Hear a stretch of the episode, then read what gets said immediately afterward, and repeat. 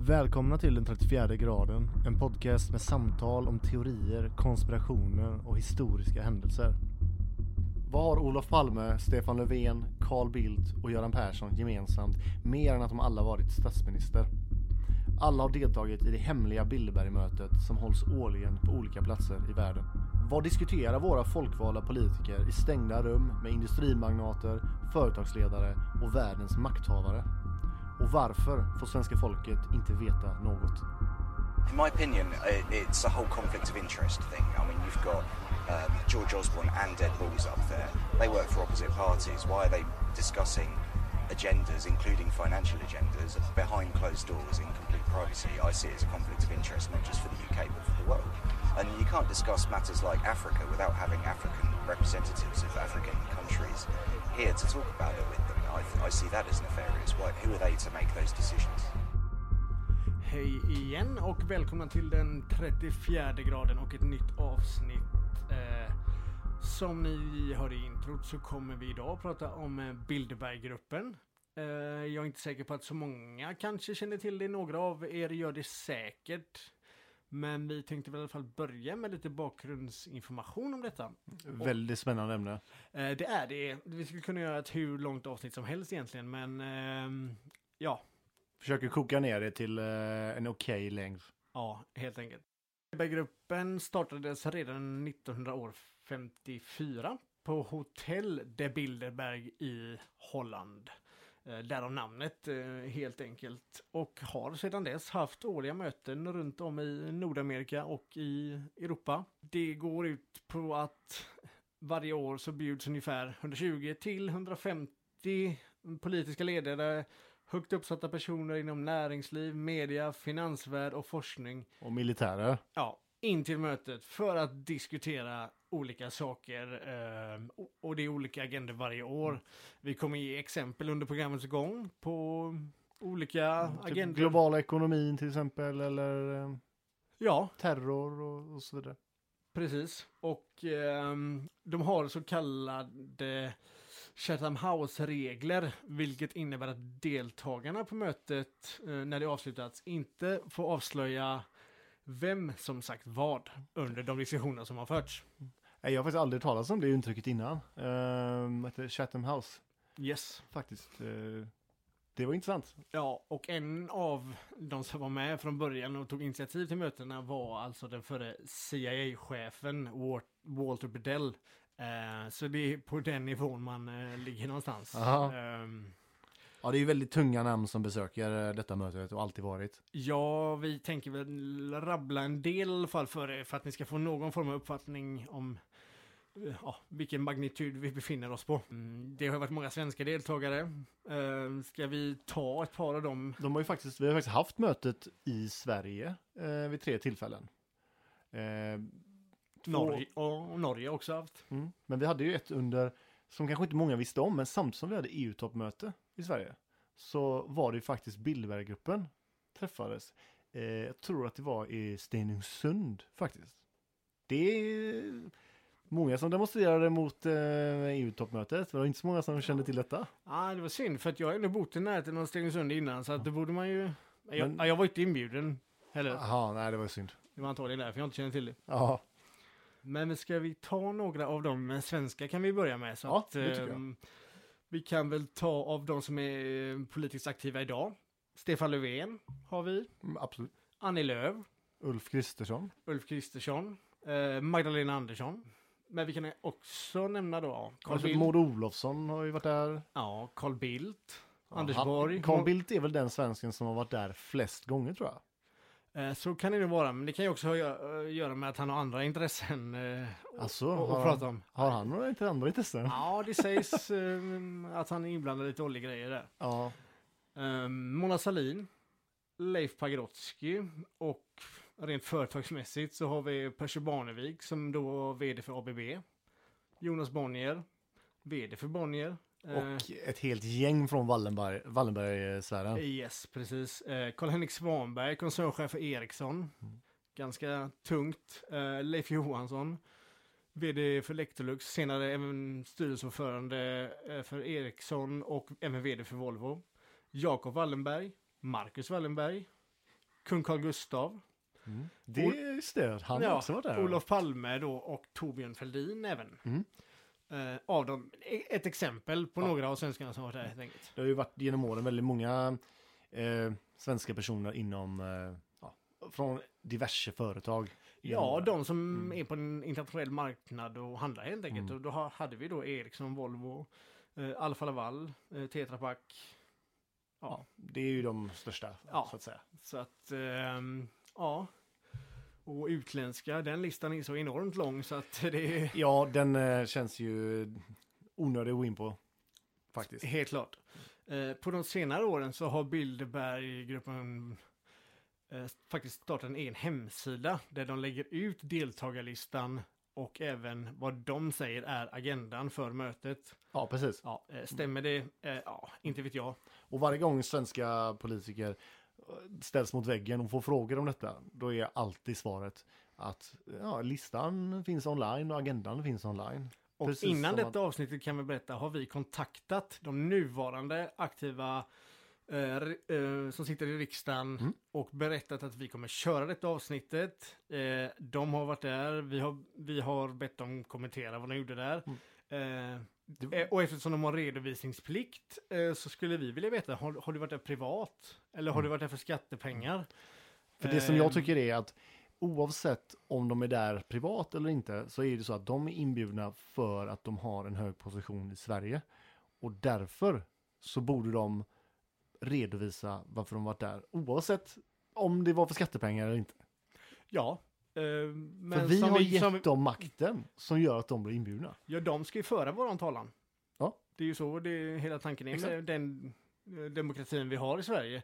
Men det jag skulle komma till var då att det är ingen som vill uttala sig, givetvis. Vi Nej. har mejlat både politikerna själva Mm. eh, och våran kära statsminister Precis. och eh, pressekreterarna också.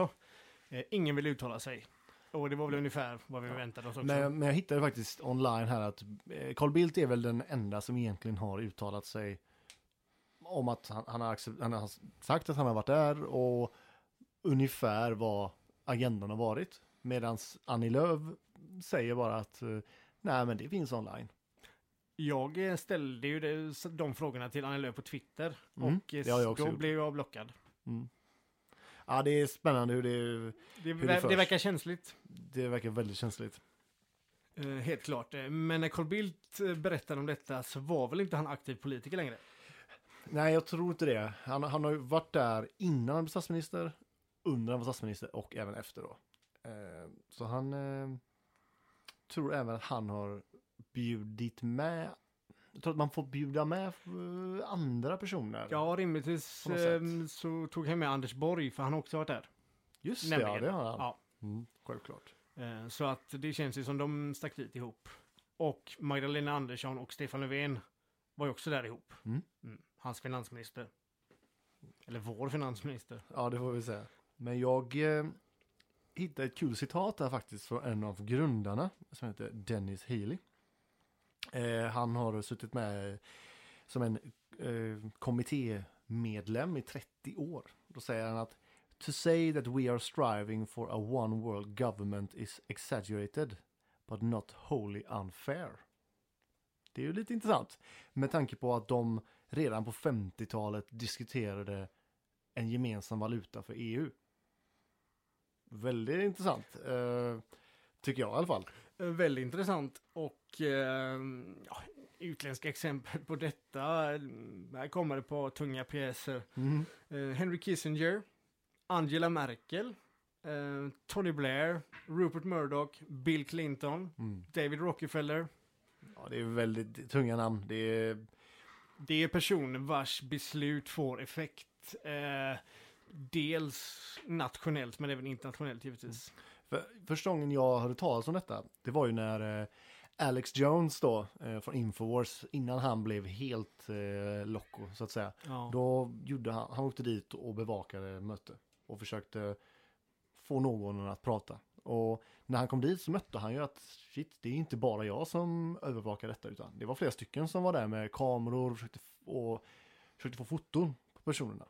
Men de dyker ju alltid upp i antingen med helikopter eller med bilar med helt nedtonade rutor. Så du vet inte Och- vad som är inuti. Och ett gäng livvakter har man ju sett på filmerna när de Ja. stiger ut. Ja, du kommer inte ens nära. Nej, nej, nej, det gör du inte. Absolut inte. Och eh, ja, det är ju inga andra gäster som är tillåtna på hotellet. Eh, varken veckan innan eller efter eh, de här mötena äger rum. Eh, men den mest kände journalisten är ju den äldre herren eh, som har följt dem i en 30 år. Ni kommer inte ihåg namnet på honom, det var dåligt. Men det finns ju en film på honom när han är utanför hotellet och ja, researchar lite grann Mm. när, när mötet äger rum och så åker de därifrån men, och kameran är på och då blir de förföljda. De följer efter honom. Mm. För han har de koll på. Han har även försökt maskera sig, klä ut sig Mm. och så vidare för att komma så nära som möjligt. Ehm, och... ehm, Det är intressant att du säger det för att jag läste faktiskt att Alex Jones när han var på väg till det här mötet, det var i Ottawa det året, då blev han helt plötsligt in, eh, vad ska man säga, inplockad på flygplatsen. Där de höll honom i eh, antal timmar och tog all hans kamerautrustning och eh, ljudutrustning. Sen har han själv sagt att jag hade kunnat sköta det snyggare från min sida också. Så där kan jag vara lite kritisk. Eh, men eh, ja, det är väl ganska snyggt av Alex Jones att han säger att det är också mitt fel. Ja. Att jag betedde mig dåligt. Ja. eh, men det är klart, sånt där har de ju stenkoll på. Ja, Ja. framförallt en sån stor populär sida vid den tiden som Infowars var. Den är ju fortfarande, den är ju mer populär än någonsin ska jag säga, med egen tv-kanal. Ja, fast och, men sen har det svår att- spårat ut på andra sätt. Ja, men den är har det. fortfarande enormt eh, stor och har stor påverkan på i, Men det är väldigt Det- mycket, nu är det mycket mer så produktplacering och så här. Och, och förr känns det som att han bara hade ett genuint driv när han Mm. pratade om Bohemian Grove. Och, Jag tycker att det är för mycket politik nu. Det tycker jag med. Det är mycket för, eh, för mycket mot demokraterna. Mm. Eh, det, ja, det kan man väl vara, men jag vill höra det andra. Ja, alltså det som han började med. Exakt, att då var han ju emot etablissemanget i sig som Bilderberg. För Bilderberg är ju inte varken höger eller vänster utan det är ju De som har makt. över hela Ja. brädet så att Yes. säga. Eh, makthavare och de som Mm. kan påverka eh, på ett eller annat sätt Mm. är, är det som är där. Eh, men man kan väl ändå rekommendera Alex Jones. Han har gjort väldigt många bra grejer också. Ja. Han har ju infiltrerat eh, Bohemian Grove-grejen Ja, till exempel. det får ju bli ett, eh, det är ett helt avsnitt i sig. Ja, Bohemian det det. Grove. Ja. Det Ja, verkligen... jag nämner det bara så kan ni, eh, ja om ni inte kan vänta så får ni googla det själva helt Ja, enkelt. exakt. Men väldigt, väldigt bra gjort i alla fall.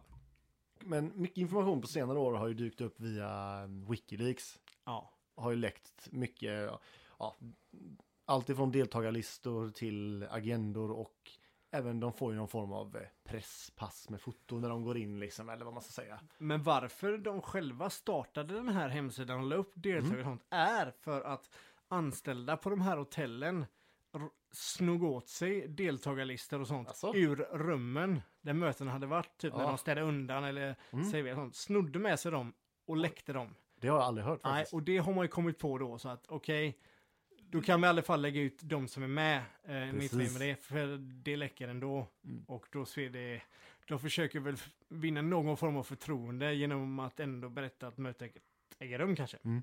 För det läckte ju ändå med folk som snodde dem då. Men eh, det är ju så här, de menar väl på också att ja, när vi startade detta, då var grundtanken att vi ska förhindra ett tredje världskrig. Det var säkert en god tanke bakom det. Mm. Sen kom de på att oj, det här var ju väldigt användbart. Väldigt, eh, ja, det är ett vinnande koncept. Så länge de För håller dem ja. sån hö... Ja, exakt. Kanske för oss med, vem vet. Men det är ju att de får dit så tunga namn och det har pågått så länge. Det är ju... Jag vet inte om det finns någon, lik... det finns någon liknande grupp som Bilderberg som man känner till. Eh, nej, inte där, inte som ordenssällskap är något helt annat. Så Ja. där, där, går man inte, där kommer man inte med på grund av den anledningen. Um, som makthavare från så olika positioner, eh, banksystem och så vidare. Sånt. Jag, jag har inte hört talas om någon annan. Men, det, det är den absolut. för men detta är väl mest västerländskt ändå. För typ som eh, ryska politiker är inte inbjudna och sådär så mycket. Och Kina är väl... Kina har jag faktiskt ett namn på. Ehm, jag ska ta och ta fram... Gissningsvis från någon form av bank kan jag tänka. Ja, du får gissa. Vad tror du han har för position? Eh, han har, eh, han är typ, eh, fi, alltså finansminister typ. Nej, men det är väl mm, han spelar på samma schackbräde kan man säga. Okej. Eh, han heter Fu Jing och var Vice Minister of Foreign Affairs. Ja, okej. Ja, det kunde jag ju med, tänkt mig. och Med tanke på ehm, den handel som sker med Kina idag. Eh, Mm. Så är det väl ganska vettigt att ha en bra relation med dem också. Och Ja. ja. bjuda in dem till bordet. Men jag såg eh, när jag kollade listor på eh, deltagare från 2019. Jag vet, vi pratade om det precis här innan vi spelade in. Att vi har en svensk som heter Johan Rockström. Som är director på Potsdam Institute for Climate Impact Research. Och han sitter då och diskuterar klimatet då, kan tänkas, med Michael O'Leary som är CEO på Ryanair. Det är ju väldigt, det är ju som yin och yang där. Ja, fast man kan ju tänka lite längre då. Säg att han sitter på information som skulle göra att det funkar att flyga på icke-fossilt bränsle på något sätt. Och att han då skulle erbjuda möjlighet. Du kan köpa det här patentet. Du kan få köra dina plan på det här Mm. bränslet. Då blir Ryanair helt unika. Först, först ut och knyter marknadsandelar som någon aldrig har kunnat göra innan. Men, men det, känns, det känns, alltså det är ju logiskt exakt som du säger, men det är kul för att i vanlig media så utmålas de ju som den ena som en jättegod person och, och Ryanair som ett jäkla sketföretag. Det är ju vår bild vi får. Men Ryanair är ju Matad. där av en anledning. Ja, alltså de, det- det, är ju ett gigantiskt företag. Ja, men de är långt ifrån störst. Alltså, vi har ju Singapore Airlines, Qatar Airways och så vidare och så vidare. Så Ja. att Ryanair är inte i närheten där. Så att det är ju något som gör att han blir inbjuden. Ja, det är det ju. Det är ju inte Eh. för att du får betala extra för bagaget som han är inbjuden. Aha, nej, det var ju konstigt. Men eh, om du, vill skriva, du kanske vill skriva ut ett boardingkort, det kostar ju 50 spänn extra. Ja, ja, får väl göra det då.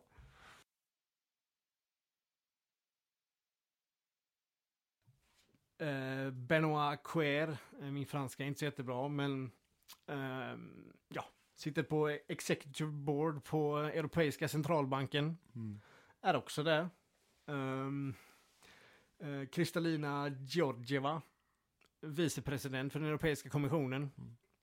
Och med tanke på vilken makt EU har idag som, ehm, ja, som union så är det väl, ehm, så är det ju liksom beslutsfattare inom, jag menar, Sverige har ju sin högsta domstol i Bryssel. Mm, det har de. Det är ju domstolen. Men det är, det är intressant för att tänka ändå så här, vad skulle vara, vad är deras mål, tänker jag? Är målet att, att starta en, Superstat. en superstat eller är det bara liksom, eh, tjäna, vi utbyter tjänster, ja ja, du jobbar inom eh, det här och jag jobbar inom något, annat. Vi ska bara diskutera och, och hjälpa varandra att bli bättre. Det känns ju som, varför ska det då vara så hem, hem, hemligt? Ja, det tror jag att de flesta människorna i den positionen skulle klara på egen hand eller med sina egna Ja, kontakter som de redan har. Ja. För vi har ju Microsoft är där, Facebook är där, Google är där. Och Twitter och... Ja, de har ju lyckats ändå. Mm. Och ska de ha för hjälp av Ryanair-gubben? Ja, alltså alla de andra företagen som vi har nämnt nu och alla de som är där, alla de använder sig av Twitter och Facebook och så vidare för att marknadsföra sig. Så på så sätt så blir nästan IT-jättarna de viktigaste pjäserna. Typ. Men, men ja, ja, absolut. Alltså de är ju ja, bland de Största företagen i världen.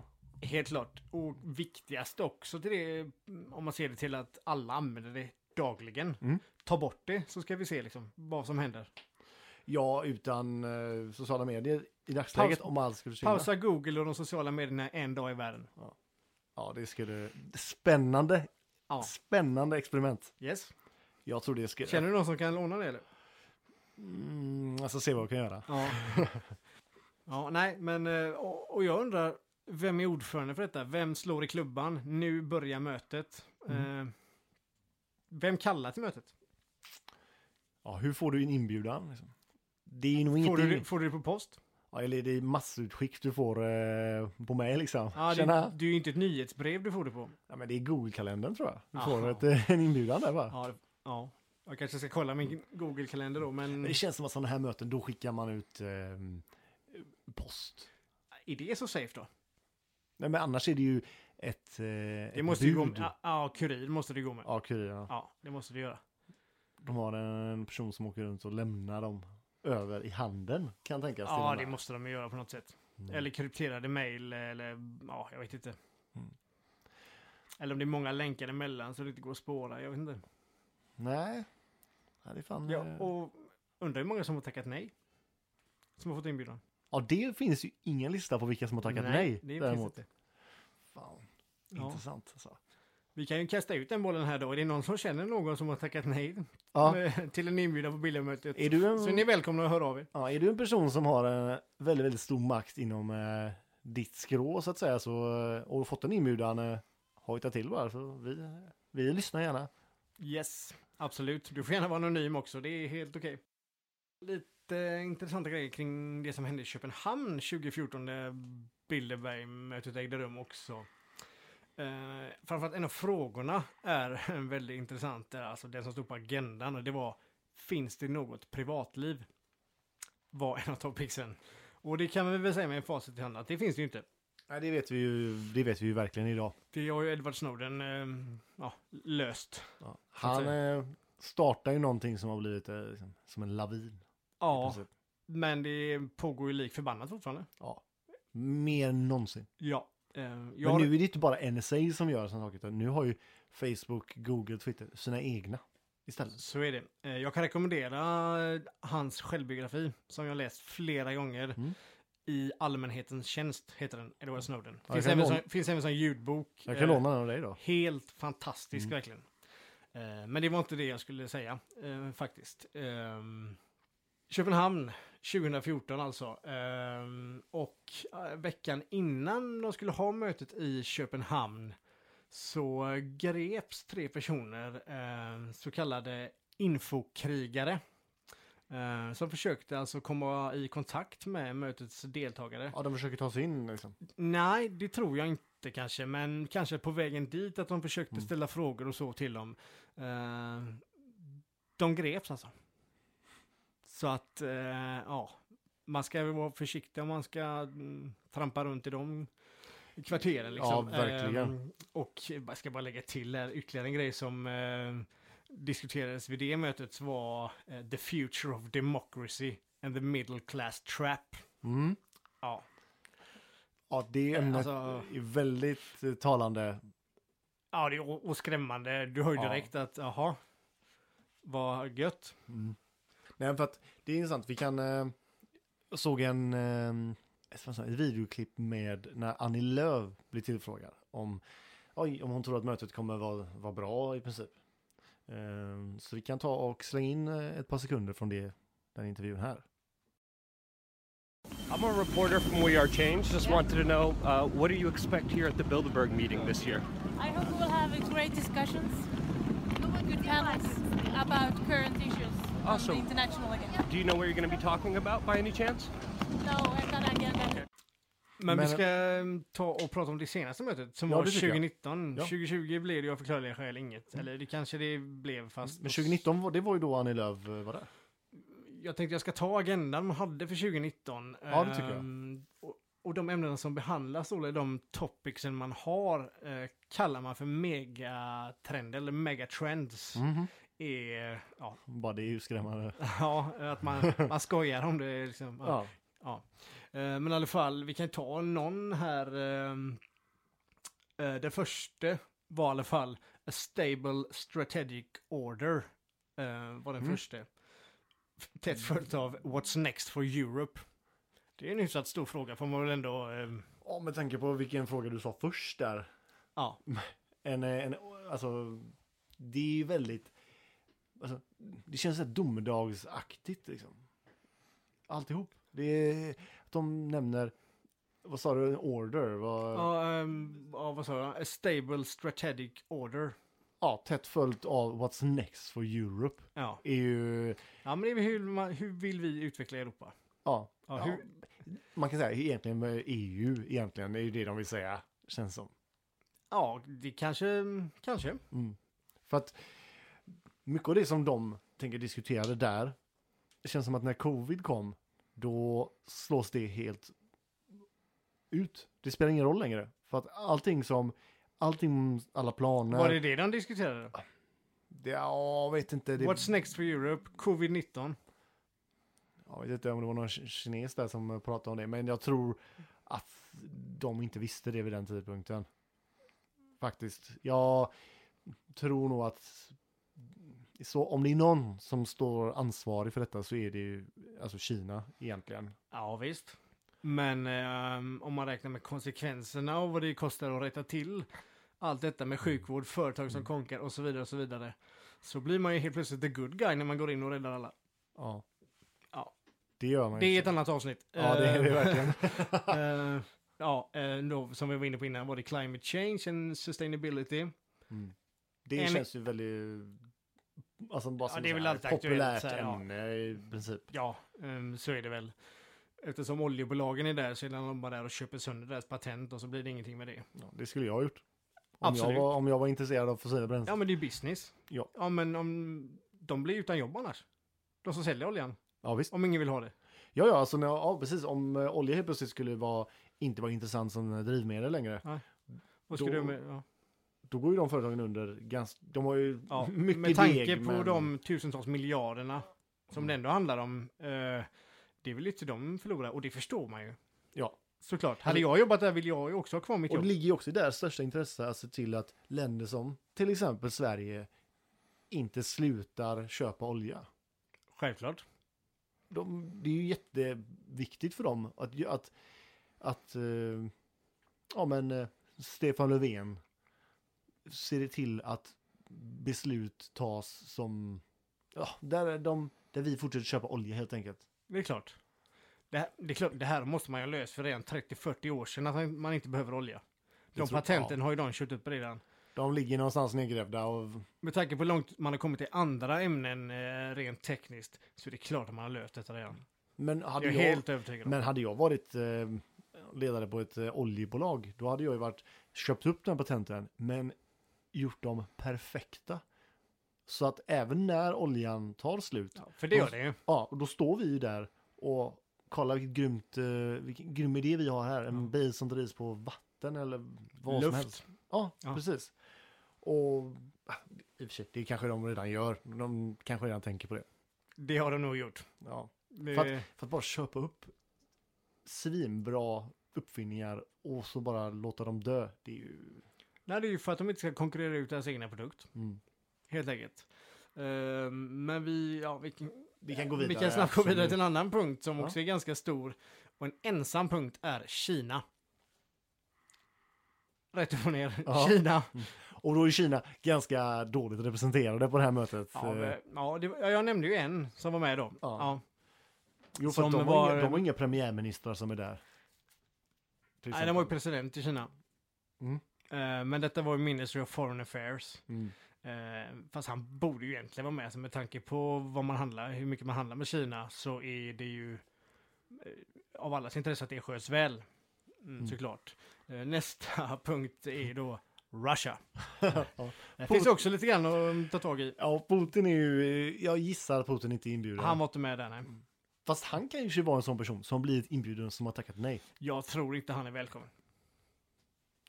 Nej, det är ju På mycket- grund av att han inte är så villig att kompromissa. Nej. Men jag gissar bara. Ja, och, Ja. ja. Det är ju det enda Det är den bilden här. man får, men Ja, men han... ehm, han är ju gammal KGB-agent. mm. Fast det är ju också det är så väldigt många länder eh, som är NATO-medlemmar som är med.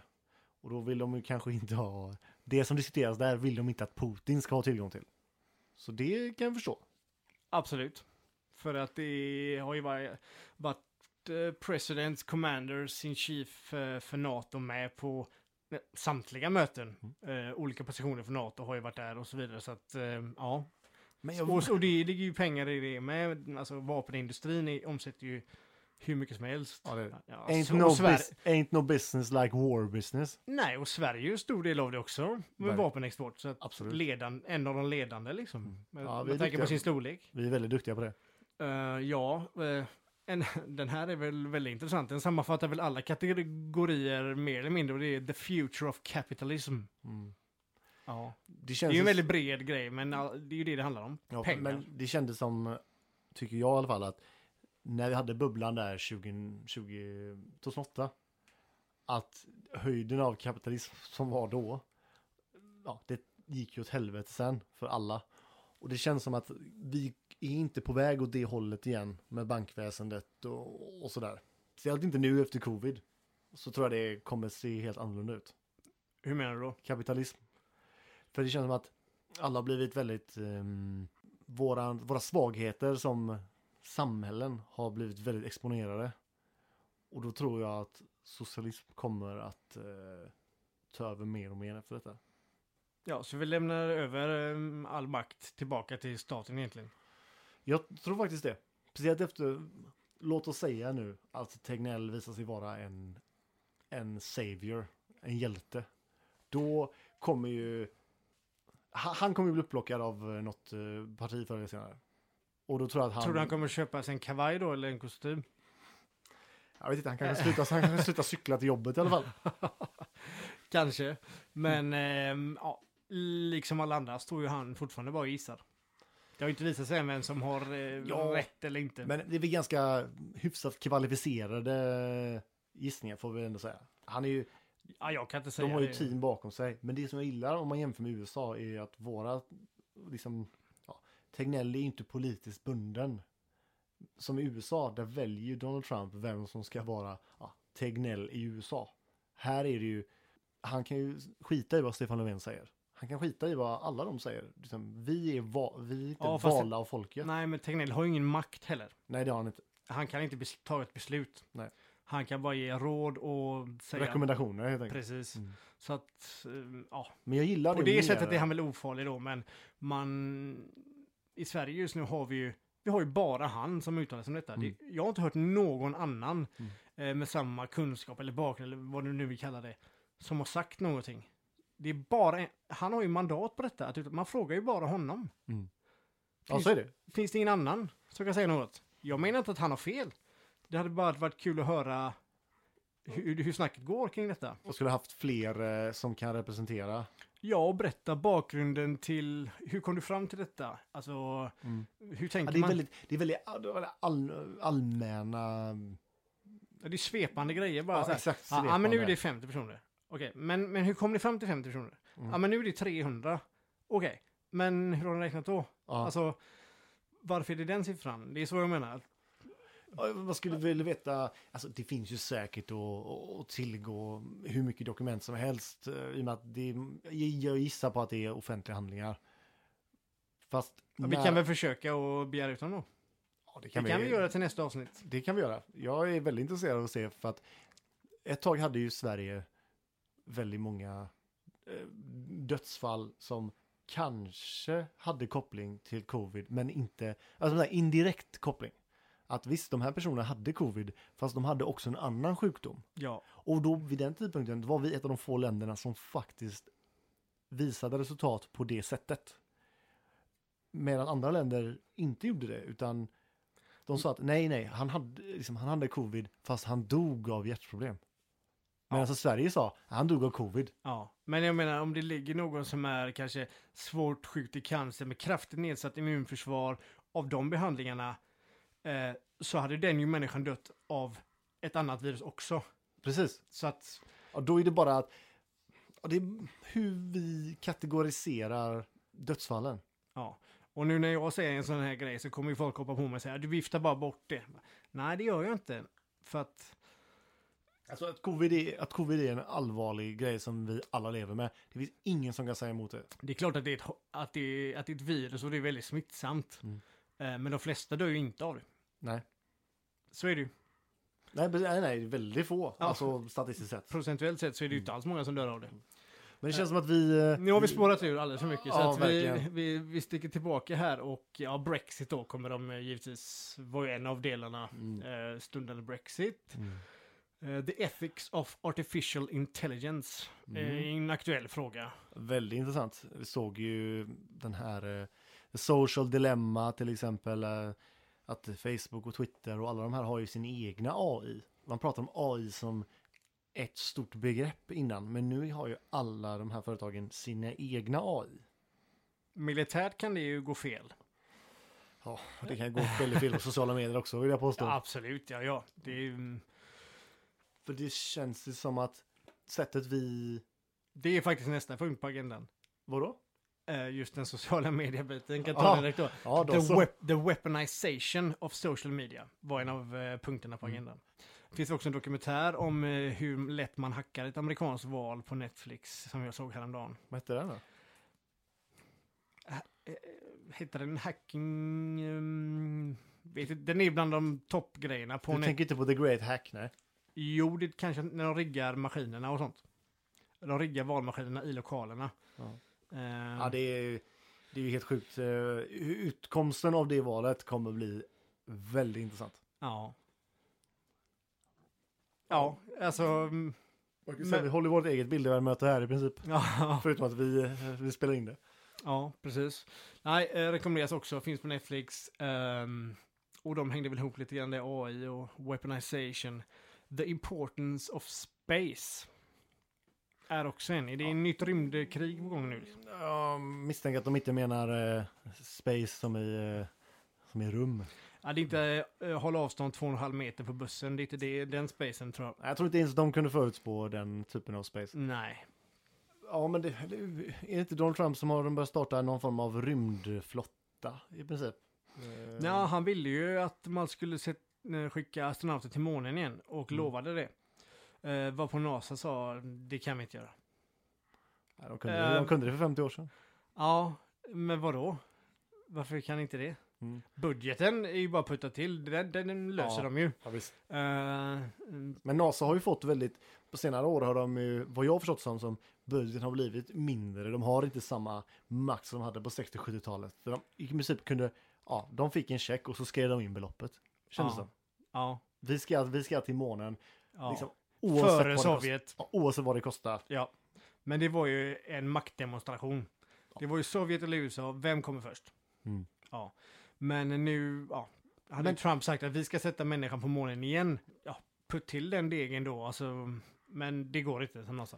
Nej, men, Varför inte det? Frågan är vad, fin, vad finns det att vinna av att åka till månen? Eh, Det känns som att många för, eller Elon Musk och de här satsar väl att komma ännu längre.